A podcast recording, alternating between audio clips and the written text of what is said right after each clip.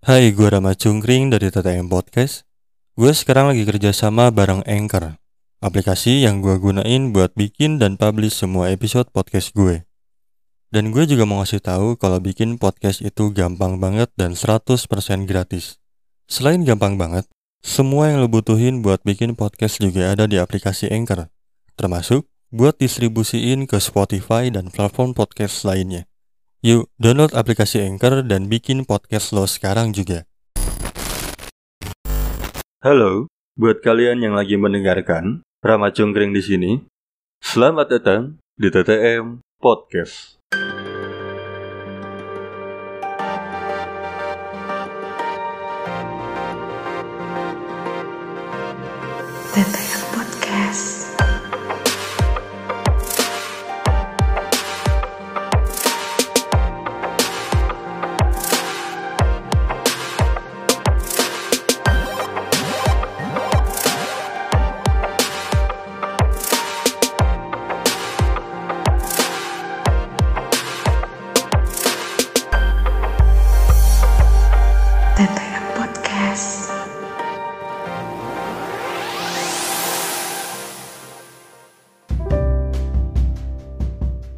Ketika minggu lalu kita ngomongin tentang melepas pergi seseorang, orang tiba-tiba keinget sama pernyataan istri orang atau nasihat istri orang. Dia bilang, orang harus tetap baik-baik aja. Dia ngomong kayak gitu mungkin karena tahu bahwa orang sejak kecil dirawat, dibesarkan, diurus sama kakek dan nenek. Jadi ketika almarhum udah nggak ada, di pikiran istri orang mungkin orang akan sangat ngedrop tapi orangnya sendiri mungkin karena udah punya kehidupan sendiri udah lama juga yang dia tinggal sama almarhum jadi tidak merasa sekehilangan itu. Walaupun tetap di momen-momen tertentu kayak misalkan lebaran yang biasanya orang selalu berkunjung ke kakek orang ke nenek orang di tahun depan nggak tahu nih akan kumpul di mana gitu. Tapi di luar itu orang jadi kepikiran sesuatu Mungkin di luar sana banyak lah. Apalagi hubungannya dekat ketika orang itu nggak ada, mungkin akan sangat kehilangan, sangat ngedrop. Tapi ada juga yang emang dia kayaknya emang udah siap-siap aja. Dan orang jadi keinget sama quotes yang bagus banget menurut orang. Ini intinya tentang ikhlas. Orang mendapatkan quotes ini dari leader multi level marketing namanya Bapak Abdi Suardin. Kalau nggak salah dia punya YouTube, jadi bisa dicek aja YouTube-nya. Dia pernah bilang gini, dalam sebuah seminar besar waktu itu orang masih sebagai uh, apa namanya orang lupa reseller uh, multi level marketing di tahun 2013an kalau nggak salah. Dia bilang kayak gini, menari di tengah badai. Cuman tiga kata, tapi makin ke sini orang makin berpikir kayaknya hanya segelintir orang yang bisa melakukan itu. Intinya dari quotes itu adalah gimana caranya kita bisa um, tetap tenang dalam musibah. Kita bisa ikhlas ketika mendapatkan musibah dalam bentuk apa pun. Entah itu kepergian seseorang, entah itu bencana alam, entah itu kita kemalingan, apa pun lah. Buat orang, ini tuh kayaknya nggak semua orang bisa melakukan itu. Karena sudut pandang orang sih mikir gini, tentang ikhlas tuh tentang bagaimana hubungan maneh sama Tuhan. Menurut orang itu. Jadi kemungkinan besar, walaupun mungkin orang bisa salah aja, bisa banget orang salah. Tapi feeling orang, nggak semua orang bisa melakukan itu. Orang aja yang udah tahu kata-kata itu sejak lama, setiap ada sesuatu yang terjadi dalam hidup orang nggak bisa langsung apa ya kayak nerima nerima aja. Apalagi dalam tanda kutip menari di tengah badai itu sulit lah. Sesimpel ini kemarin orang baru bahas di episode yang lalu kehilangan barang.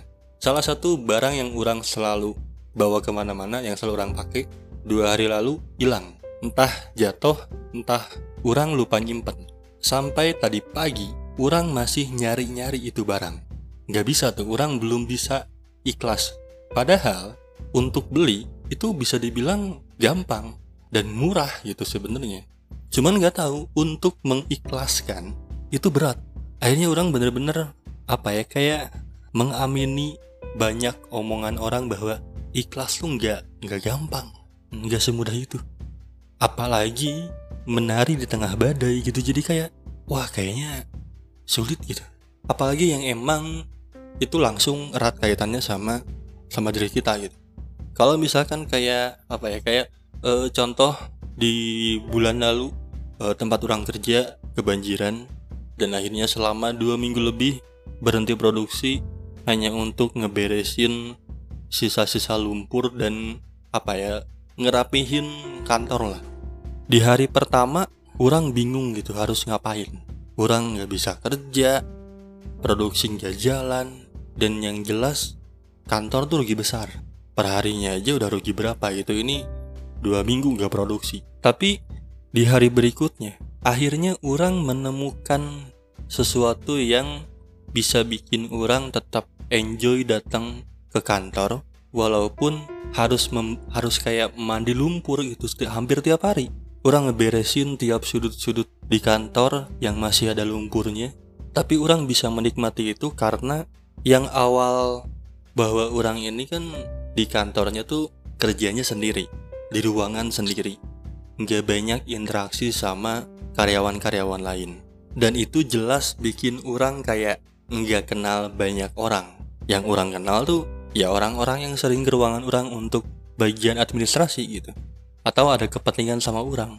Selain itu ya orang nggak kenal sama mereka orang cuma tahu aja bahwa ya mereka karyawannya kantor orang gitu. Tapi setelah kejadian itu akhirnya kan orang mau nggak mau berbaur sama mereka semua. Akhirnya orang kenal satu persatu. Akhirnya orang banyak ngobrol sama mereka. Dan di hari-hari berikutnya ya orang enjoy aja gitu orang seneng aja. Di luar orang bisa bebas ngerokok di area pabrik yang di mana hari-hari biasa tuh dilarang keras. Makan aja nggak boleh apalagi ngerokok tapi orang sangat menikmati momen-momen di mana orang bisa deket sama karyawan-karyawan lain bisa ketawa-ketawa sama mereka. Padahal itu di tengah-tengah musibah. Orang bisa melakukan itu karena mungkin itu nggak apa ya terjadinya bukan sama orang langsung gitu. Orang nggak tahu kalau orang yang punya kantor ini orang mungkin akan nggak bisa lah kayak gitu. Nggak bisa. Mungkin orang akan emosi orang akan marah-marah segala macem nah akhirnya pikiran ini muncul bahwa yang tadi quotes menari di tengah badai itu nggak semua orang bisa melakukan itu. Orang udah menyebutkan contoh hal yang paling kecil hilang barang.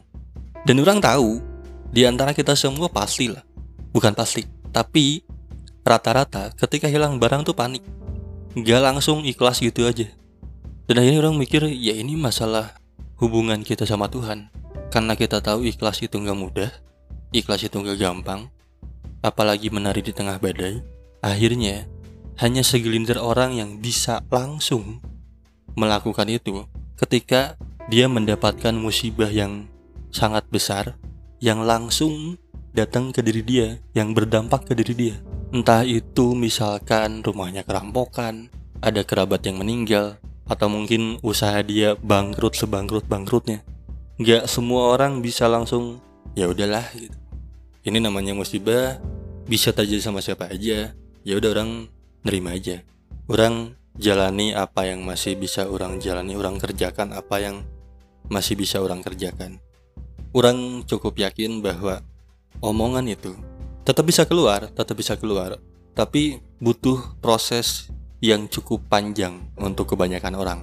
Kecuali untuk orang-orang yang emang hubungan dia sama Tuhannya tuh luar biasa. Atau eh, faktor lain ya.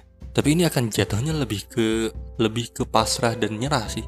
Karena dia udah terbiasa menerima musibah dalam hidupnya dia akhirnya dia nggak peduli gitu. Karena ada juga orang yang emang nggak peduli dalam tanda kutip nerima. Yang kedua emang dia udah apa ya kayak hidup enggan mati tak mau gitu. Ya udahlah bodo amat hidup ini mau kayak gimana juga bodo amat.